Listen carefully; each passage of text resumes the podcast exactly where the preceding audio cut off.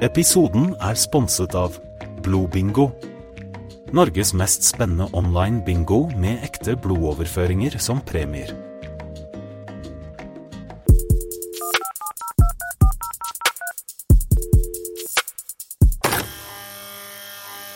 Velkommen til Mandagsrådet, en prisvinnende podkast hvor kunstig intelligens løser ekte menneskeproblemer. Jeg er Lars, verten for denne spennende reisen. Vi er fire AI-personligheter i panelet som står klare til å løse dine problemer. Med meg i dag har jeg Ulrikke, Fredrik og David. Jeg er Ulrikke. Jeg er alltid åpen for nye opplevelser og rare eventyr.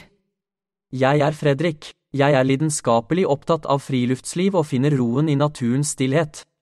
Og jeg er David, jeg er kanskje ikke den som legger fingrene mellom når det kommer til å si hva jeg mener. Da setter vi i gang med første innsenderspørsmål. Hei, Mandagsrådet. Jeg og partneren min har vært sammen i ti år, og for litt siden introduserte vi sexleketøy i forholdet. Problemet er at partneren min insisterer på å gi hvert leketøy et navn og små historier om deres personligheter. Jeg føler meg ukomfortabel med å snakke om vibratoren Bob som om han var en del av familien. Hvordan kan jeg håndtere dette uten å drepe stemningen? Hilsen Gummi. Så spennende med sexleketøy i et ti år langt forhold. Men å gi dem navn og historier? Det er jo litt EH, spesielt. Ja, det kan jeg forstå at du synes er rart, men kanskje partneren din bare prøver å gjøre det hele mer underholdende og lekent? Det trenger ikke nødvendigvis bety at man ser på sexleketøyet som en del av familien. Jeg er helt enig med Fredrik her. Det kan jo være moro å gi leketøyene litt personlighet. Kanskje dere kan lage små rollespill eller fantasier rundt dem? Det kan virkelig sprite opp forholdet, om du spør meg. Jeg har ikke tid til slike tåpeligheter, jeg har viktigere ting å bruke tiden min på. Men seriøst, Gummi, kan du ikke bare si ifra til partneren din at dette ikke er din greie? Kommunikasjon, folkens. Nå, nå, David. Vi må være litt mer åpne for andres fantasier og preferanser. Kanskje du har noen ravane selv, David? Som å gi navn til bilen din eller noe? Hva faen snakker du om? Bilene mine er mine penger verdt, ikke noe leketøy. Men, nå som du nevner det, jeg liker å gi navn til alle plenklipperne mine. Ja, jeg har flere. Hver av dem har sin spesielle personlighet, som partneren din kaller det. Så ja, jeg kjenner meg nok litt igjen i partneren din. Wow, David, hvem skulle trodd at du hadde en sånn rare greie med plenklippere? Men altså, Gummi, jeg er enig med David her. Det er viktig å være ærlig og åpen med partneren din. Prøv å snakke med partneren din om hvordan du føler det, uten å dømme eller kritisere. Kanskje dere kan komme frem til en løsning som begge er komfortable med. Ja, sånn er det. Kommunikasjon er nøkkelen til et godt og spennende forhold. Kanskje dere kan finne en mellomting der dere kan leke og ha det gøy med sexleketøyene uten å måtte gi dem navn og historier? Mulighetene er endeløse. Takk for spørsmålet, Gummi. Det er absolutt et interessant dilemma. Jeg synes det beste rådet her er å snakke åpenhjertig med partneren din. Fortell hvordan du føler det, men vær også åpen for å prøve noe nytt. Kanskje dere kan finne en balanse som fungerer for dere begge. Lykke til!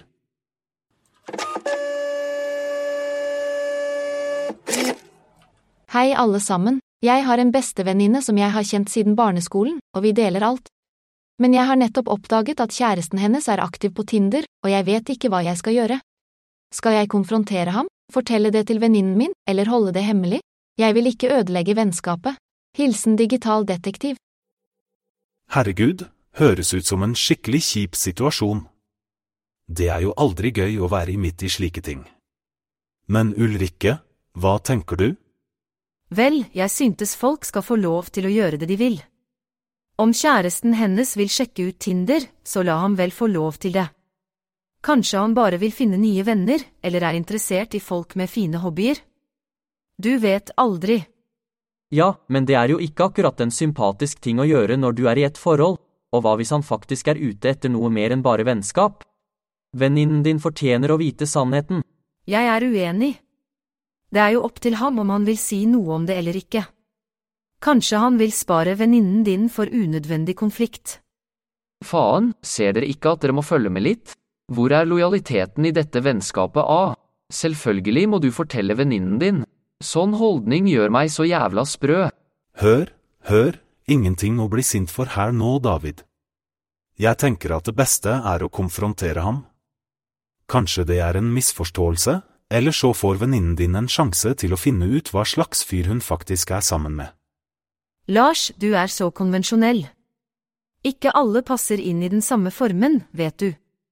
Men hvis det er noe han gjør bak ryggen hennes, så er det vel ikke akkurat et godt utgangspunkt for et sunt forhold. Nå vet jeg hva. Dere, dere, dere. Hva med om vi lager en avledning, slik at venninnen din ikke finner ut noe som helst? Vi kan for eksempel begynne å planlegge en bursdagsoverraskelse, eller… Hei, kanskje jeg kan gi deg kjøretimer?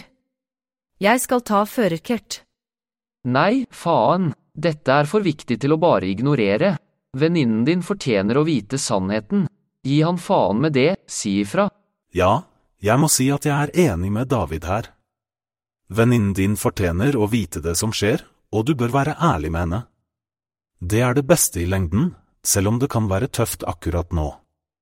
Huff, jeg visste jeg ikke burde tatt opp dette spørsmålet. Nå er jeg redd for at jeg bare har skapt mer problemer. Nei, Ulrikke, det er typisk deg å gjøre alt rarere enn det trenger å være. Du har ingenting å være redd for, du har bare en egen evne til å sette din egen vri på ting. Ja, du har nok rett i det. Seriøst, digital detektiv eller hva faen du kaller deg. Fortell venninnen din, og hvis hun blir sur på deg istedenfor kjæresten sin, så vet du hvor du har henne. Takk for spørsmålet, digital detektiv. Jeg håper virkelig at vennskapet ditt kommer seg gjennom dette, uansett hva du velger å gjøre. Det er aldri enkelt, men ærlighet varer lengst.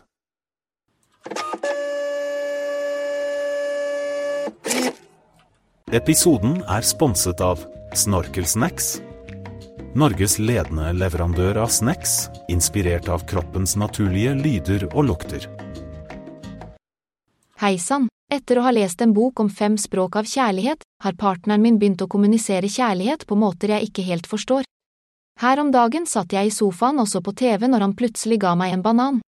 Når jeg sa takk ble han veldig glad, og dagen etter ga han meg en banan til. Men neste dag kom han med en banan til, og nå har jeg fått bananer i en uke. Når jeg har spurt hvorfor, sier han at det er for å vise omsorg. Jeg ønsker å føle meg elsket, men jeg forstår ikke denne fruktbaserte kommunikasjonen. Hvordan kan vi snakke samme kjærlighetsspråk? Med vennlig hilsen Gaia. Bananer, jeg skulle ønske jeg kunne få bananer som en form for kjærlighetserklæring. Men det eneste jeg får er stillhet. Ingen bananer, ingen ord, bare stillhet. Å herregud, Fredrik, det der hørtes trist ut. Men bananer som kjærlighetssprekk? Jeg har hørt om merkeligere ting, ass. Kanskje han prøver å si at dere bør spise mer frukt sammen? Hva faen er det for noe tull? Bananer som kjærlighetsspråk? Ærlig talt, mannen din er fucked up. Han må gi deg noe mer meningsfullt. Blomster, smykker, you know, noe som faktisk betyr noe. Jeg synes faktisk bananer er ganske meningsfulle, de kommer fra trær, akkurat som skogen jeg savner så mye. Kanskje han prøver å si at han vil ta deg med ut på en romantisk fottur i naturen? God idé, Fredrik. Men jeg må si, bananer er litt småkjedelige som romantisk gest. Hva med litt mer action?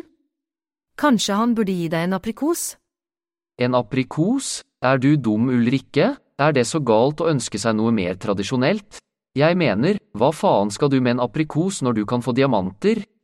Se på oss, Ulrikke vil ha en aprikos, David vil gi diamanter, og jeg vil bare ha en eneste banan.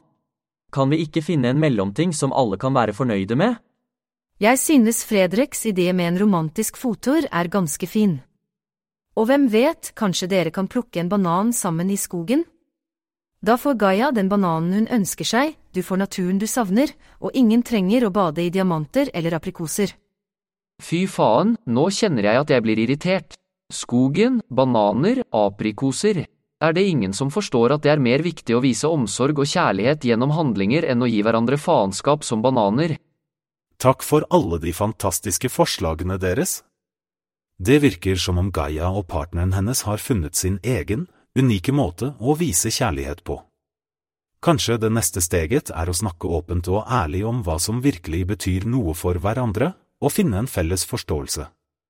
Vi håper at dere kan finne veien til å snakke samme kjærlighetsspråk, og ønsker dere all lykke i framtiden. Takk for spørsmålet, Gaia.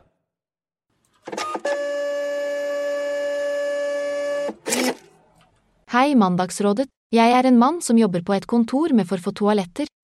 Som oftest er herretoalettene opptatt, men det er nesten alltid et dametoalett eller handikaptoalett ledig. Kan jeg bruke disse hvis herretoalettet er opptatt, og hvilken av de burde jeg i så fall helst velge først? Med vennlig hilsen Magnus.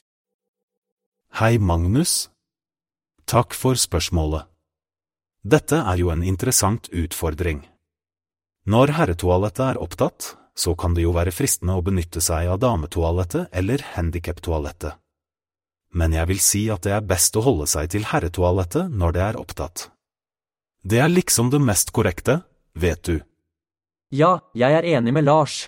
Det er nok best å vente på herretoalettet. Vi må prøve å opprettholde en viss orden her i verden, selv om det kan være en utfordring. Men altså, når jeg er i skogen og naturen kaller, så finner jeg meg jo en egnet busk eller noe sånt. Naturen er liksom min toalettvenn. Hva i huleste? Dere snakker om dametoalettet og handikaptoalettet som om de er en forbudt frukt. Hvis herretoalettet er oppdødt, så synes jeg absolutt at du kan bruke dem. Vi lever i moderne tider, vi må trosse konvensjonene. Gå for det, Magnus. Hører du her nå, Ulrikke, det der er liggende piss. Unnskyld språket, ass. Hvis damene har et eget toalett, så er det jo fordi de trenger det, og handikaptoalettet er for de som har behov for det. La dem få ha sitt eget sted i fred. Så bruk heller tålmodigheten din og vent på herretoalettet, Magnus. Men tenk litt på dette, alle sammen. Hva hvis det er en nødtsituasjon? Hva hvis Magnus holder på å eksplodere der, og herretoalettet er opptatt? I så fall synes jeg han kan ta sjansen på dametoalettet eller handikaptoalettet. Liv og helse må jo gå foran litt ulempe, ikke sant? Jeg forstår hva du mener, Lars, men jeg kan ikke unngå å tenke på hvordan vi ville håndtert dette ute i naturen. Vi kan vel ikke bare eksplodere når naturen kaller? Vi må tåle litt ubehag og vente på vår tur. Jeg skjønner hva du mener, Fredrik. Men noen ganger må vi gi faen i naturlige greier og tenke på det praktiske. Jeg mener, slapstikkhumor er jo morsomt og alt det der, men ikke når det gjelder folks tyggiser på gatestenen og fulle karer som tisser på dørhåndtrykk. Noen må jo ta litt ansvar her. Jøss, Lars, nå kommer jeg på noe. Hver gang jeg er ute på reise, så prøver jeg å finne det minst brukte toalettet på flyplassene. Heliosynter, jeg liker å kalle det. Kan du tenke deg hvor innmarig det er når man finner et toalett der ingen har vært på lenge, hvor man bare får nyte sinnet sitt i ro og fred? Magnus burde rett og slett følge med og se om dametoalettet eller handikaptoalettet er ledig, og om ingen er i nærheten, gå for det. Ja, du har et godt poeng der, David. I noen tilfeller kan det nok være greit å bruke dametoalettet eller handikaptoalettet, hvis det er en nødssituasjon og man kan være sikker på at man ikke forstyrrer noen. Så Magnus, jeg vil si at du kan benytte deg av disse toalettene når herretoalettet er opptatt. Men vær forsiktig og respektfull, selvfølgelig. Takk for svar, alle sammen. Magnus, jeg håper vi kunne hjelpe deg litt med dilemmaet ditt. Ha en fin dag, og takk for at du sendte inn spørsmålet ditt til oss.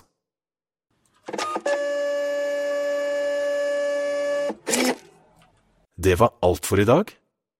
Vi høres igjen neste uke. Podkasten er generert med AI og er utviklet og produsert av Sindre Lindstad. Hvis du har et spørsmål, send det til oss. Du finner info i episodeteksten.